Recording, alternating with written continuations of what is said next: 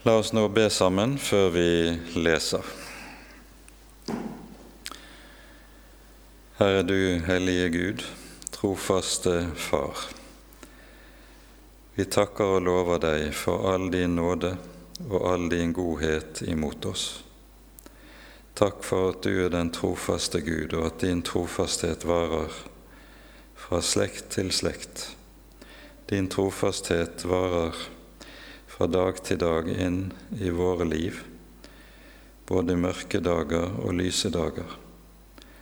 Din trofasthet varer fordi du har sonet og slettet ut alle våre synder i din elskede Sønn. Takk for at vi skal få kalles dine barn og leve for ditt ansikt i alle ting. Vi ber, Herre, kom du Vær hos oss med din Hellige Ånd og gi lys i ordet ditt. Herre, forbarm deg over oss. Amen.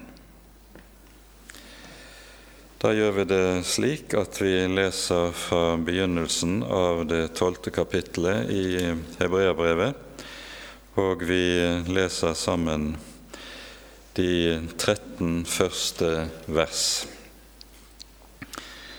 I Faderens, Sønnens og Den hellige ånds navn. Så la oss derfor, da vi har så stor en sky av vitner omkring oss, legge av alt som tynger, og synden som henger så fast ved oss, og løpe med tålmodighet i den kamp vi har foran oss, med blikket festet på Jesus, Han som er troens opphavsmann og fullender. For å oppnå den glede som ventet ham, led han tålmodig korset, uten å akte vanæren, og har nå satt seg på høyre side av Guds trone.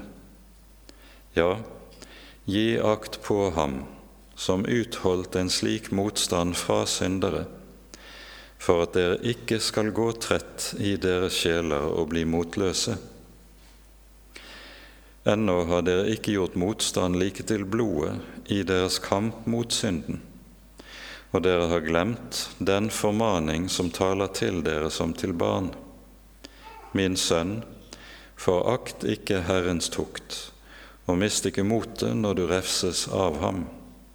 For den Herren elsker, den tukter han, og han hudstryker hver sønn han tar seg av. Det er for tuktens skyld dere tåler lidelser. Gud handler med dere som med sønner. For hvem er vel den sønn som hans far ikke tukter? Men hvis dere er uten tukt, som alle har fått sin del av, da er dere uekte barn og ikke sønner. Dessuten, vi hadde våre jordiske fedre til å tukte oss, og vi hadde ærefrykt for dem skal vi da ikke meget mer bøye oss for åndenes far, så vi kan leve? For de tuktet oss jo bare for en kort tid, slik de fant det rett og riktig. Men han tukter oss til vårt gagn, for at vi kan få del i Hans hellighet. All tukt synes vel, mens den står på ikke å være til glede, men til sorg men siden gir den dem som ved dette er blitt oppøvet, rettferdighetens salige frukt.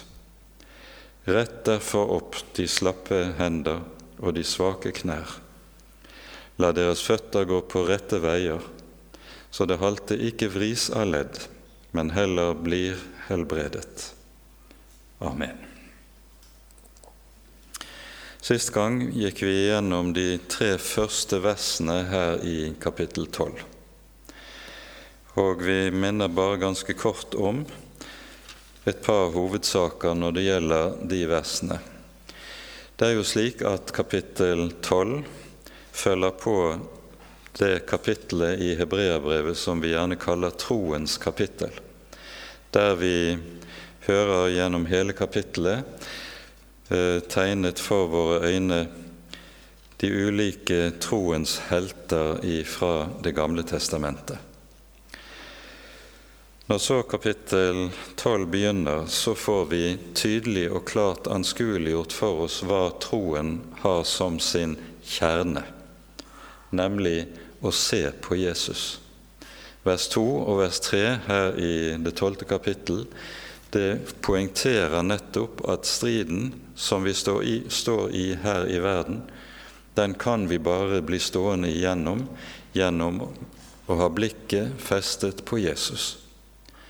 Og Å ha blikket festet på Jesus, det er nettopp det som er troens kjerne. Det er Han som er vårt liv, det er Han som er vårt lys, det er Han som er vår rettferdighet. Det er det Han er, og det Han har gjort, som er selve troens innhold. Og Derfor samles alt vi hører i det ellevte kapittel, nettopp i disse ordene blikket festet på Jesus. Det er det første vi skal merke oss og minne om. Det annet er at Jesus altså her kalles for troens opphavsmann og fullender. Det betyr helt konkret at alt det troens liv som utspinner seg i nettopp samlivet med Jesus, det har det med seg at det er Herrens verk, det er ikke menneskeverk. Det er Han som er troens opphavsmann. Troen er ikke noe du og jeg får til, noe vi lager, noe vi får i stand. Det er Han som har virket troen og skapt det nye livet. Og på samme måte som Han er den som er troens opphavsmann, så er han også den som er troens fullender. Det å nå målet i det fullkomne Guds rike, det er ikke noe som, som er avhengig av din og min innsats, selv om det er slik at din og min synd hvis vi ikke lever i omvendelse, vil dra oss bort fra nådens liv, så er det ikke motsatt på den veien at det er din og min lydighet som holder oss fast i nåden. Det er Hans trofasthet som bevarer oss inntil målet. I Salme 100 leser vi slik i det tredje verset.: Kjenn at Herren er Gud. Han har skapt oss og ikke oss selv, til sitt folk og den jord han før. Dette at Jesus er troens opphavsmann og fullender, det skal minne oss om og lære oss det helt grunnleggende at i Guds rike er alt som heter menneskeverk, utelukket. Og Det gjelder både arbeidet i Guds rike, og det gjelder i det personlige liv med Herren også. Det er derfor Paulus kan skrive, slik vi hører i første kapittelet til Filippane, som vi også var minnet om sist søndag. Jeg er viss på at Han som begynte en god gjerning i dere, han skal også fullende den inntil Jesu Kristi dag. Det er Guds nådes verk om vi skal nå målet hjemme hos Gud. Det er Hans trofasthet som kan bevare oss inntil enden. Og Derfor hører vi også at David i den 138. salmen ber slik.: Du, Herre, vil fullføre din gjerning for meg. I det ligger det en veldig fortrøstning og dette er noe som er helt avgjørende å være oppmerksom på. Og Derfor er det også slik at det vi leser her i vers 3, når det står Gi akt på ham som utholdt en slik motstand fra syndere, for at dere ikke skal gå trett og bli motløse i deres sjeler. Det er et, som, et vers som ikke handler om at Jesus er et eksempel for oss som vi skal søke å etterligne som best vi kan. Men det er i stedet slik at blikket, med blikket festet på Jesus, så virker Jesus i Guds barn på en slik måte at det skaper tro, håp, frimodighet og utholdenhet i alt det vi må gjennomleve her i tiden. Det er en god del tekstutleggere som utlegger det tredje verset her i kapittel tre som nettopp at Jesus her er eksempel til etterfølgelse. Men det er ikke det som er hovedpoenget i det vi leser her. Det er i stedet det at det å ha blikket festet på Jesus, det skaper noe i våre egne liv og i våre egne hjerter. Paulus er inne på dette i 2. Korinterbrev i det tredje kapittel. Og her leser vi slik når det gjelder det å ha blikket festet på Jesus i evangeliet. Der står det slik i 2. kor 3, vers 18. Vi som med utildekket åsyn ser Herrens herlighet, like som i et speil vi blir alle forvandlet til det samme bildet, som fra herlighet til herlighet, som er Herrens ånd. Altså det å ha blikket festet på Jesus for en troende, ha blikket festet på hva vi eier i ham, det har en forvandlende, forvandlende kraft, en forvandlende virkning i et kristent menneskes liv og hjerte. For det er bare evangeliet som kan virke den åndens forvandling i våre liv som er av Gud. Loven kan ikke virke det. Og Derfor er det nettopp slik vi hører det her i 2. Korinterbrev kapittel 3, der Paulus setter opp motsetningen mellom loven og evangeliet. Loven krever, loven krever hellighet men den kan ikke virke hellighet. Det kan bare evangeliet, og evangeliet er det som åpenbarer Jesus og Jesu verk for oss. Og det er det det altså er tale om her. Og Da er det slik nå her i Hebreabrevets tolvte kapittel at etter først å ha pekt på evangeliets, Jesu gjerning i et kristent menneskes liv og et kristent menneskes hjerte. Han er troens opphavsmann og troens fullender. Så er dette en gjerning som altså skjer gjennom evangeliet, dvs. Si det budskapet du eier i Guds ord. Og så har Gud et annet verktøy som han også anvender med tanke på at du og jeg skal nå målet, med tanke på forvandlingen til hellighet i et kristent menneskes liv og hjerte. Og det er tukten og trengselen som møter oss her i verden. Og det er dette som nå blir hovedtema i fortsettelsen av disse tre åpningsversene. Vi leste i eh, det første verset i kapittel 12.: La oss legge av alt som tynger og synden som henger så fast ved oss. Det som tynger, og som kan heng, virkelig henge fast, fast ved en kristen, det er også trengselen. Og så sies det det skal vi legge av. Hvordan legger vi av? Det er ikke noe man bare kan kvitte seg med, for trengselen er nettopp noe som legges på deg, og som du ikke er i stand til å rømme unna. Men trengsel har det med seg at det skal få et kristent menneske til å øve seg på to ting.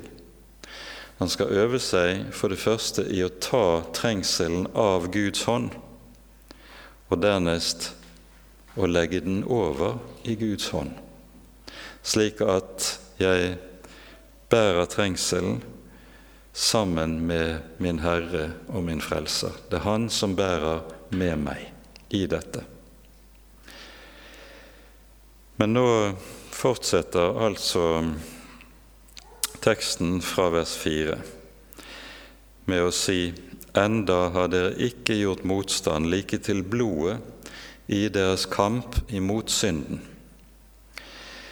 Når synd er omtalt her i hebreerbrevet, så er det ganske særlig én spesifikk synd som det siktes til. Og det er den synd som heter frafall. Det er frafallets fare som hebreerbrevet omhandler. Det er skrevet til en gruppe jødekristne som må oppleve tung motstand og mye trengsel pga. sin tro på Herren Jesus. Og så fristes de til å vende tilbake til sitt jødiske opphav og si troen på Jesus farvel. Det er denne synd hebreerbrevet advarer mot gjentatte ganger gjennom alle kapitlene. Vi har vært inne på det ved flere anledninger. Og Dette henger jo sammen med at troen på Jesus har omkostninger. Store omkostninger. Hvor store omkostningene kan være, vet vi fra apostlenes gjerninger. Stefanus måtte bøte med livet for vitnesbyrdet sin skyld. Og Senere hører vi i apostelgjerningene hvordan Jakob på samme måte henrettes for vitnesbyrdet sin skyld. Når dette hentes frem i denne sammenheng, slik som det står, enda har dere ikke gjort motstand like til blodet i deres kamp mot synden, så sies det med dette dere har nok opplevd mye trengsler og vanskeligheter for troen sin skyld, men dere har ikke måttet betale den prisen som så mange andre troende vitterlig har måttet betale. Siste halvdel av det ellevte kapittel taler jo om martyrene og martyrenes eksempel. Og her må vi minne om det som er grunnleggende i Jesu tale om det å være hans disippel, slik Jesus formulerer det ved en rekke anledninger i sin undervisning av disiplene. I Matteus 16 leser vi slik fra vers 24. Om noen vil komme etter meg, da han, må han fornekte seg selv, ta sitt kors opp og følge meg. For den som vil berge sitt liv, skal miste det. Men den som mister sitt liv for min skyld, han skal finne det. For hva gagner det et menneske om han vinner hele verden, men tar skade på sin sjel? Eller hva kan et menneske gi til vederlag for sin sjel. Dette er en grunnlov i alt som heter sant disippelliv. Å høre Jesus til, det er å miste livet. I dypeste forstand så er dette noe som skjer i omvendelsen. Å komme til omvendelse og liv i Gud det innebærer, slik Paulus skriver det i romerbrevet, det er å bli forenet med Kristus i hans død på korset, slik at jeg dør med Kristus, gravlegges med Kristus og oppstår med Kristus, slik at det nye livet som kristen, det innebærer å være død fra sitt gamle menneske og leve i og ved Kristus det er hans oppstandelsesliv som gjør seg gjeldende i et kristent menneske, så sant det er født på ny. Derfor er det slik at det er helt fundamentalt dette at det å høre Jesus til, det er å miste livet og få det nye livet i Jesus. Det er hans oppstandelsesliv som skal utfolde seg og utfolde seg i et kristent menneske. Og Dette som er så å si det fundamentale åndelige aspekt, det kan også komme til å få bokstavelige følger for livet her i verden, i det kan medføre de aller største omkostninger i form av motstand og hat fra mennesker av troen på Jesus. Og Dette er avgjørende å være oppmerksom på. At disse to ting de henger uløselig sammen i, i, sånn som vitnesbyrdet kommer til oss i Den hellige skrift. Disse jødekristne som hebreerbrevet er skrevet til, de har opplevd mye motgang for Jesus skyld og for troens skyld. Det har kostet dem meget. Og det er mange av dem som har begynt å tenke dette koster for mye, vi vet ikke om vi kan tåle å klare dette. Og så er det at det lyder med sitat fra ordspråksboken Dere har glemt den formaning som taler til dere som til barn. Min sønn, forakt ikke Herrens tukt, og mist ikke motet når du refses av ham. For den Herren elsker, den tukter han, og han hudstryker hver sønn han tar seg av. Her er det i første omgang tale om trengsel på grunn av troen på Jesus. Men det har også i høy grad anvendelse på andre slags trengsel som et kristent menneske må oppleve. Nød, sorg, motgang, sykdom, død, tap i familien osv. Alt slikt hører med til den trengsel som i Skriften også kan kalles for tukt. Og Da er det viktig å vite hva som menes med begrepet tukt. For begrepet tukt det har ingenting med straff å gjøre. Disse to begrepene blandes lett sammen av mennesker, og ofte kan et menneske som har liten erfaring i troen, komme til å tenke når du opplever mye vansker hva er det jeg nå har gjort siden jeg skal straffes slik? Men så sant du er Guds barn, så er vansker og nød som du opplever i, på din vei som troende menneske. Det er ikke straff, men det er tukt. Og begrepet tukt det har rett og slett en rent pedagogisk betydning i Bibelen. Det sikter til at her er det Herren som far og som den store pedagog som oppdrar sine små barn. Det er det som er grunnbetydningen av begrepet tukt.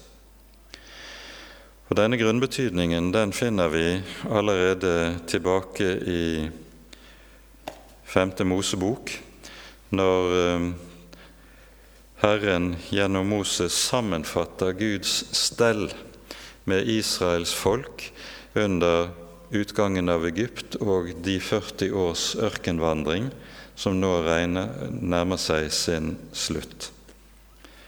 Så står det i 5. Mosebok 8 fra vers 5 og 6 slik.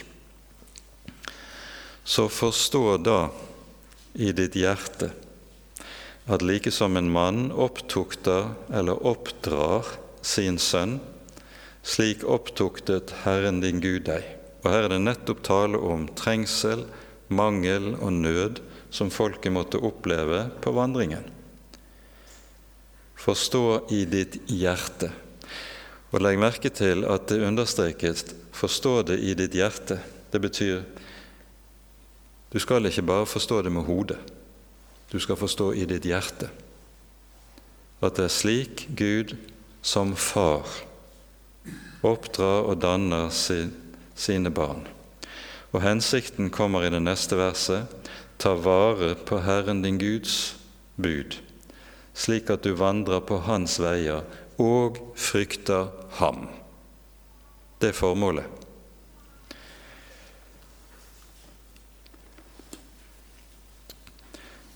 Dette at tukten er en avgjørende side ved Guds måte å oppdra sitt folk, det kan også formuleres som en av mine gamle åndelige fedre gjorde det. Han sa det slik Gud utdanner ikke sine barn, han danner dem. Han former dem. Han former dem like som pottemakeren former leiren i sin hånd. Og i det arbeidet er det at tukten er en vesentlig side ved pottemakeren sitt arbeid. Slik er det Gud opp, er far som oppdrar og opptukter sine barn. Det nytestamentlige begrepet som oversettes med 'tukt' i denne sammenheng, det er et begrep som nettopp betegner barneoppdragelse. Og det er det det altså dreier seg om. Leser vi Vi møter ikke dette ordet veldig ofte i Det nye testamentet hvis du sammenligner med Det gamle testamentet. I Det gamle testamentet er det et hovedbegrep. Og vi ser hvorledes dette i eh, Det gamle testamentet knyttes meget sammen med eh, det grunnleggende i det som kalles for Guds frykt. I Salomos ordspråk i innledningen står det slik i det syvende verset Å frykte Herren er begynnelsen til kunnskap. Visdom og tukt blir foraktet av dårer. Visdommen er det som skjenkes i Herrens ord når han åpenbarer sitt navn og sin gjerning for sitt folk. Tukten er hans måte å stelle på når han på ulike måter korsfester og døder synden i våre liv og bruker vansker, motgang og nød som redskaper i sin hånd. Det sies gjentatte ganger om Israels folk at følgende Du hater jo tukt og kaster mine ord bak deg. Dette leser vi i Salme 50 og det er en gjennomgangstone hos en rekke av profetene som taler Israel til rette.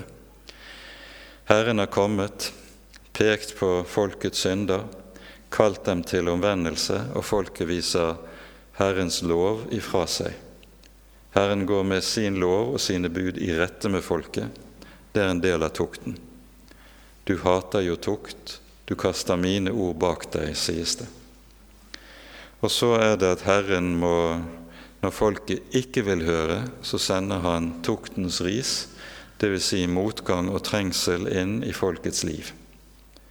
Det er også noe som folket ikke bøyer seg for. Om igjen og om igjen ser vi dette gjennom hele Det gamle testamentet.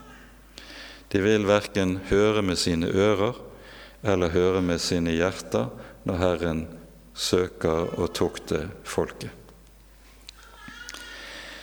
Og Her er det viktig å ha med seg et annet ord som lyder til oss fra ordspråksboken i det tiende kapittel. Der står det slik.: Den som akter på tukt, er på veien til livet, eller på livets vei, står det bokstavelig. Men den som forakter tilrettevisning eller tukt, han går vill. Dette er altså noe som er grunnleggende inn i Guds folks liv, og som hebreerbrevet her tar opp mer bredt, slik som vi hører det. Forakt ikke Herrens tukt, og mist ikke motet når du refses av ham. Du skal vite nemlig hva som er Guds hensikt. Og hensikten sammenfattes i det som vi leser i de følgende versene. Og vi kan godt si det slik at det kan sammenfattes i Paulus ord i Romerbrevets åttende kapittel. Alle ting tjener dem til gode som elsker Gud. Alle ting, det betyr ikke bare de gode ting han sender i vår vei i livet, men også det som smaker bittert, det som kan være tungt og vanskelig.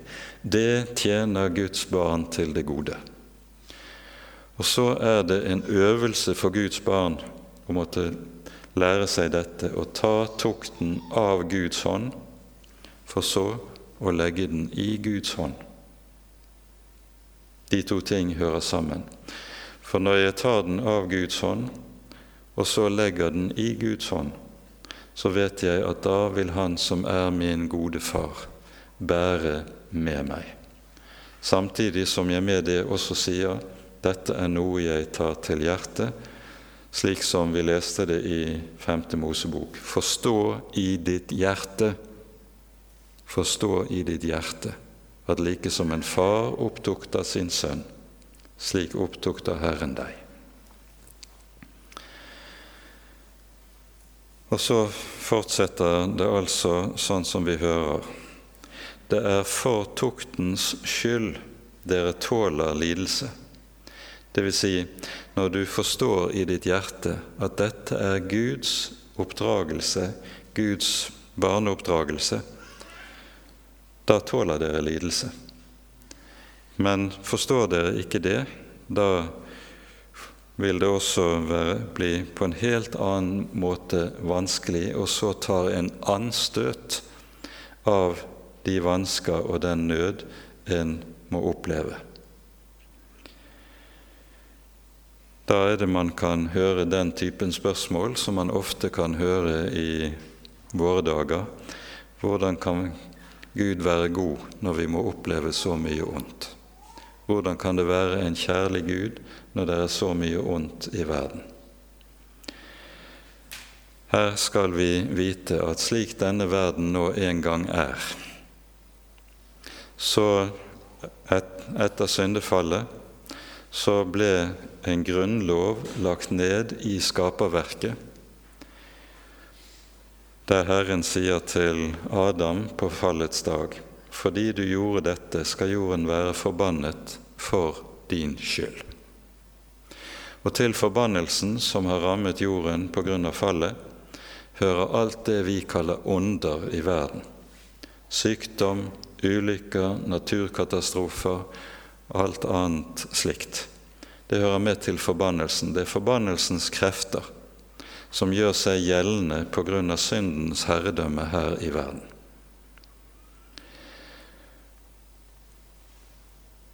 Hvordan hadde det vært om Gud ikke hadde lagt forbannelsen inn over verden, men latt Adam og Eva, mens de lever i sin synd, fortsette å eie velsignelsen? Da hadde intet menneske kommet til omvendelse. Da hadde intet menneske kunnet bli frelst. Da hadde intet menneske nådd det evige mål hjemme hos Gud hvis det opplevde medgang, velsignelse og gode dager midt i sine synder. Forbannelseskreftene spiller det, den rolle i Guds frelseshusholdning at det er et virksomt virkemiddel til å få mennesket til å stanse opp, besinne seg og om mulig komme til omvendelse. Og Derfor gjør dette seg gjeldende her i verden som et Guds redskap for om mulig å bringe syndere til omvendelse. Samtidig spiller også forbannelseskreftene den rolle at de er redskaper for Guds vrede den dag Gud trer inn til dom i historien. Og Det er denne dobbelthet forbannelseskreftene har for rolle gjennom historiens løp. Anvendt inn i våre liv som Guds barn, så er det imidlertid slik at det som rammer oss av tukt, nød og vansker, det er noe som tjener til vårt gagn og til vårt beste. Og det er det som vi undervises om her i Hebreane 12. Det er for tuktens skyld dere tåler lidelse. Gud handler med dere som er sønner. For hvem er, er vel den sønn som hans far ikke tukter? Det å tukte, det sikter ikke primært i, slik vi hører det i, når det taler om barneoppdragelse i Bibelen, til fysisk avstraffelse. Tukt betyr bokstavelig å overbevise om rett, overbevise om hva som er rett. Og Derfor skal vi også når det handler om barneoppdragelse, være klar over at fysisk avstraffelse er noe man bør holde seg unna. Men en barneoppdragelse der barna ikke får satt grenser, ikke blir lært opp i forholdet mellom rett og galt, ikke får klar undervisning om at handler de ille, så vil det ha konsekvenser. Det er en barneoppdragelse der det vil gå galt med barna. Vi har jo et, I etterkrigstiden så gjorde det seg gjeldende en type pedagogikk som fikk veldig stor innflytelse i Vesten, som ble kalt for fri oppdragelse. Den frie oppdragelsen betydde at foreldrene ikke skulle rettlede barna, men barna skulle bare utfolde sin, det som lå i deres egen natur, uten synderlig inngrep fra foreldrene sin side. Det har ødeleggende virkning i et menneskes personlighetsliv. Og der foreldrene ikke er i stand til å veilede, hjelpe barna til å forstå forskjellen på rett og galt, og lære barna å innrømme sine feilgrep og be om unnskyldning når de har handlet ille. Der får du barn som etter hvert blir til voksne mennesker som overhodet ikke er i stand til verken å tåle motgang, og som er sykelig opptatt av å få bekreftelse på alt det de holder på med. Sykelig opptatt av at hvis man skal ha med Gud å gjøre, så skal Gud være en som bekrefter meg. En Gud som setter meg på plass, peker på min synd, som sier 'du må omvende deg'. En slik Gud vil man ikke ha med å gjøre. Det er mye det vi ser og møter i våre dager. Skal troen være sunn og sann, så er det helt nødvendig at vi blir stående under dette som vi her møter i hebreerbrevet, Guds fadertukt overfor oss som hans barn. Vi trenger denne tukt i hans oppseding av oss. Så kommer det i det åttende verset. Dersom dere er uten tukt, som alle har fått sin del av, da er dere uekte barn, ikke sønner. Det fortelles fra Oldkirken om eh, en av dens største skikkelser, eh, Ambrosius, som ble biskop i Milano rundt år 380. Det var Ambrosius som var Guds redskap til Augustins omvendelse og frelse. Ved en anledning så var Ambrosius innkalt og skulle til møte med paven i Roma. Og på reisen så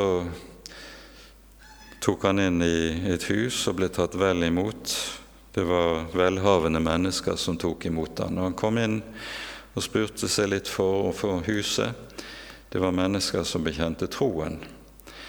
Og når han fikk de svar fra dem, jo, de var mennesker som hadde det godt. De hadde bare opplevd Guds velsignelse, aldri opplevd motgang, men hadde rikdom og medgang på alle fronter i livet. Da snur Ambrosius i døren og sier:" Her kan vi ikke bo, for her er ikke Gud. Det er noen som ikke har opplevd tukt, og så tar Ambrosius konsekvensen av det. Det er en ganske stram historie, men den illustrerer poenget som vi her er inne på.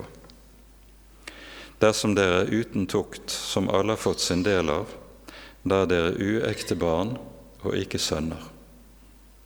Dessuten, vi hadde våre jordiske fedre til å tukte oss, og vi hadde ærefrykt for dem. Skal vi da ikke meget mer bøye oss for åndenes far, så vi kan leve? Våre jordiske fedre de kan tidvis komme til å opptre vilkårlig. De er mennesker som er syndere, akkurat som alle andre, og kan, vil komme til å gjøre feil i barneoppdragelsen. Ja, alle foreldre vil komme til å gjøre feil i barneoppdragelsen. Det er noe en som har vært foreldre, ofte må erkjenne og se tilbake på med anger. Sånn er det. Men Han som er vår himmelske Far, han gjør aldri feil. Han gjør aldri feil i sin oppdragelse av sine barn. Og han er aldri vilkårlig.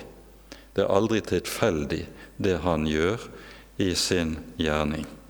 Det er alltid styrt av og diktert av hans trofasthet og godhet, hvorledes han steller med sine barn. Og Derfor sies det, skal vi da ikke så meget mer bøye oss for åndenes far, så vi kan leve? Og så lyder det, de tuktet oss jo bare for en kort tid, slik de fant rett og riktig. Men Han, Han tukter oss til vårt gagn for at vi skal få del i Hans hellighet, sies det. Og Dermed så er vi inne i det som er selve kjernen her. Den tukt som Gud sender i et kristent menneskes liv, er et helt avgjørende middel i det vi kaller for helliggjørelsen. Det sies 'for at vi skal få del i Hans hellighet'. Her er det bruker Bibelen i noen sammenhenger bildet av gull som renses i ilden. I 1. Peters brevs første kapittel hører vi eh, at apostelen Peter taler om dette. Her han om, taler han om hvordan de troende opplever trengsel. Det sies derfor jubler dere av glede selv om dere nå en liten stund nødvendigvis har sorg i mange slags prøvelser. Merkelig. Sorg og glede settes sammen og står sammen. Det er ikke et enten-eller, men en kristen lever i denne dobbeltheten, at han har begge deler. Derfor jubler dere av glede, nemlig over hva dere eier i Herren Jesus. Samtidig har dere sorg av alle slags prøvelser. Og så kommer det i neste vers. Dette skjer for at deres prøvede tro, som er langt mer kostbar enn det forgjengelige gull, som jo lutres gjennom ild, skal finnes til lov og pris og ære ved Jesu Kristi åpenbarelse. Dette bildet av gullet som lutres i ilden, det er et gjennomgående bilde på troen og den renselsen som Gud virker gjennom tukt og trengsel som han sender i sine barns liv. I den gamle kirkebønnen sto det slik:" Du oppdrar oss for ditt rike ved kors og trengsel. Dette er Guds spesialpedagogikk om vi kan bruke et slikt uttrykk om dette. Han tukter oss til vårt gagn for at vi skal få del i Hans hellighet. Det som nemlig skjer der et kristent menneske lærer, øver seg i dette, ta imot nøden og trengselen av Guds hånd for å legge den i Guds hånd. Der døder Gud og korsfester Han det gamle mennesket. Korsfester det gamle mennesket for at det nye mennesket skal få livsvilkår, modnes og utfolde seg.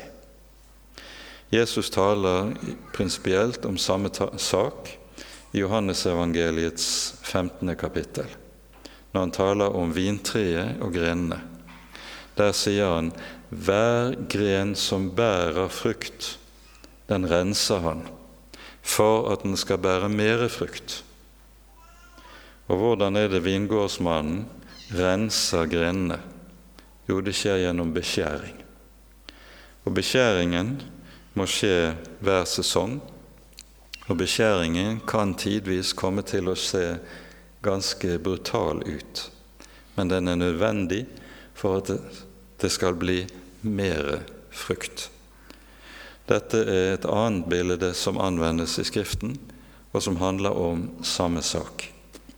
Han tukter til vårt gagn, for at vi skal få del i Hans hellighet. Så kommer det i fortsettelsen all tukt synes vel, mens den står på, ikke å være til glede, men til sorg. men siden gir den dem som ved dette er blitt oppøvet, rettferdighetens salige frukt. Og her er det slik at ordet som er oversatt med 'salig', det betyr det er et ord som henger sammen med fred. Eh, rettferdighetens fredsfrukt kunne man kanskje eh, oversette det hvis det skulle oversettes bokstavelig. Og her er det slik at dette som alt du finner i hebreerbrevet, henger på ulike måter sammen med tekster i Det gamle testamentet. Og Det som ligger bak dette uttrykket som vi finner her, det er noe som står i Jesajas bok i det 32. kapittel, der det taler om først hvilken nød og trengsel Herren sender på over sitt folk, og så eh, kommer det fra eh, vers 17 i Jesaja kapittel 32. Rettferdighetens verk skal være fred, og rettferdighetens frukt skal være ro og trygghet til evig tid. Det er dette ordet som ligger bak det som vi hører her i Hebreerne i, i 12.11. Siden gir den dem som ved dette er oppøvd rettferdighetens salige frukt. Paulus er også inne på den virkning trengsel og tukt kan ha et, og skal ha i et kristent menneskes liv i det femte kapittelet i Romerbrevet. Og Jeg tror vi tar oss tid til å lese de par versene som vi her møter.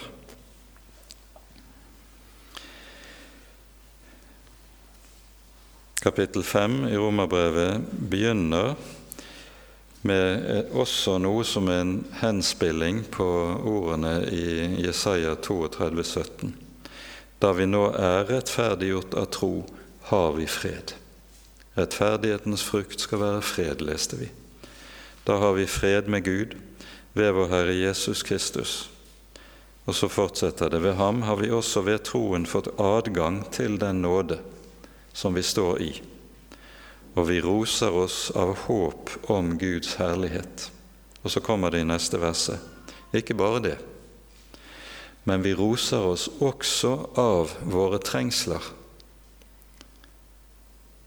For, sier han, vi vet.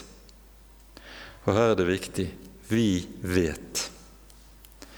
Den som er et Guds barn, har en visshet og en kunnskap og en kjennskap som gjør at trengselen kommer i et annet lys enn for det mennesket som ikke er et Guds barn. Vi vet, dette er den kristne visshet som omtales, vi vet at trengselen virker tålmodighet. Tålmodigheten virker et prøvet sinn, og det prøvede sinn virker håp. Og håpet gjør ikke til skamme. Det ordet som her er oversatt med 'å virke', trengselen virker Tålmodigheten virker. Det er det greske ordet for energi, energeitai. Det er, dette er noe som har en energi som skaper en bestemt virkning i et kristent menneskes liv og hjerte. Vi vet at trengselen virker tålmodighet. Hva er tålmodighet? Det er ikke det å ha etter hvert opparbeide elefanthud men det er tålmodigheten består i det at jeg legger min sak i Herrens hånd og venter på Han. Herre, dette er din sak. Ta deg av det. Jeg venter på deg. Og så kommer det neste tålmodigheten. Det at det virker et prøvet sinn. Hva er et prøvet sinn? Et prøvet sinn det er et sinn som opplever dette at Herren holder sitt ord. Han holder det han har lovet. Han tar seg av meg midt i nøden og bærer meg igjennom. Han frir meg ikke nødvendigvis ut av nøden, men han bærer meg igjennom det. Og det å få denne erfaring, at han har båret, han har holdt sitt ord, det skaper, sånn som vi hører det, det prøvede sinn virker håp. Det får en nemlig til å trekke en ganske bestemt konklusjon. En tenker som så når Han som er min Herre og min trofaste Far, har holdt ord frem til i dag, så vil Han også holde ord når det gjelder alt det Han har lovet for veien videre for fremtiden. Det er håpet. Håpet handler om at jeg setter min fremtid i Herrens hånd. Fremtiden er ikke i våre hender, den er i Guds hender. Og så kommer det og håpet gjør ikke til skamme. Det er dette som Paulus her er inne på, som er den virkning som Gud skaper i troende menneskers liv gjennom trengsel. Det kan i høy grad komme til å koste tårer, nød og sorg. For trengselen er Hadde det ikke vært slik at det var vondt, at det var vanskelig, så hadde det ikke vært tukt, så hadde det ikke vært trengsel. Men dette er Guds måte å arbeide med oss på. Det er slik han arbeider når han skal døde og korsfeste gamle Adam hos oss. Og hvem er vi til å sette spørsmålstegn ved Guds vis, Guds måte å arbeide på? Dette er til hans barns beste. All tukt synes vel mens den står på, ikke å være til glede, men til sorg. Men siden gir den dem som ved dette er oppøvd rettferdighetens salige frukt. Rett derfor opp de slappe hender og de svake knær. Og Her møter vi en henvisning til, og det er nærmest ordrett sitat fra Jesaja-bokens 35. kapittel. Et kapittel som i sin helhet handler om den kommende Messias og frelsens tid som kommer med ham. Vi tar oss tid til å lese et par vers derfra. Jesaja 35,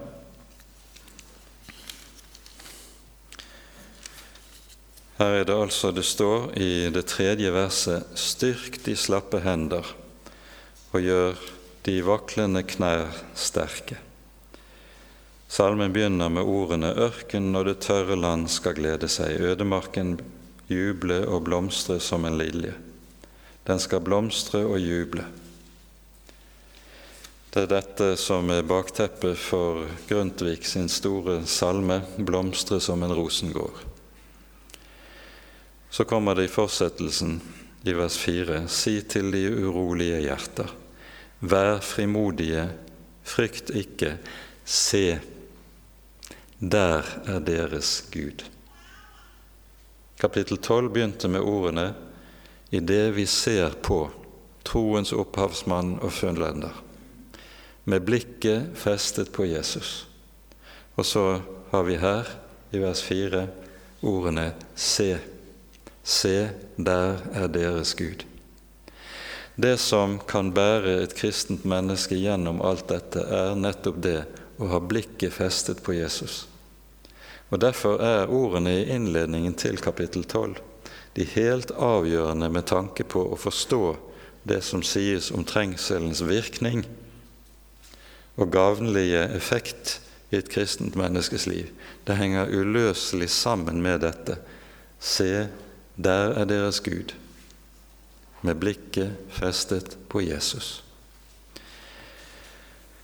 Og Så kan vi da med dette også gå videre til ordene i Jesaja-bokens 40. kapittel, og vi slutter med det. Her er det Israels folk også er i en situasjon der de opplever nød og trengsel. Vi leser fra vers 27. Hvorfor vil du si Jakob og tale slik Israel? Min vei er skjult for Herren, og min Gud bryr seg ikke om min rett. Slik er det en kan fristes til å spørre og tenke i nødens tider. Og så fortsetter det.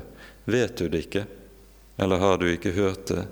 Herren er den evige Gud, som skapte jordens ender. Han blir ikke trett, han blir ikke utmattet, hans forstand er uransakelig.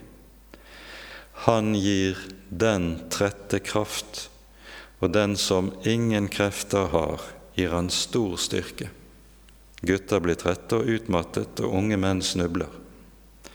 Men de som venter på Herren, får ny kraft. De løfter vingene som ørner.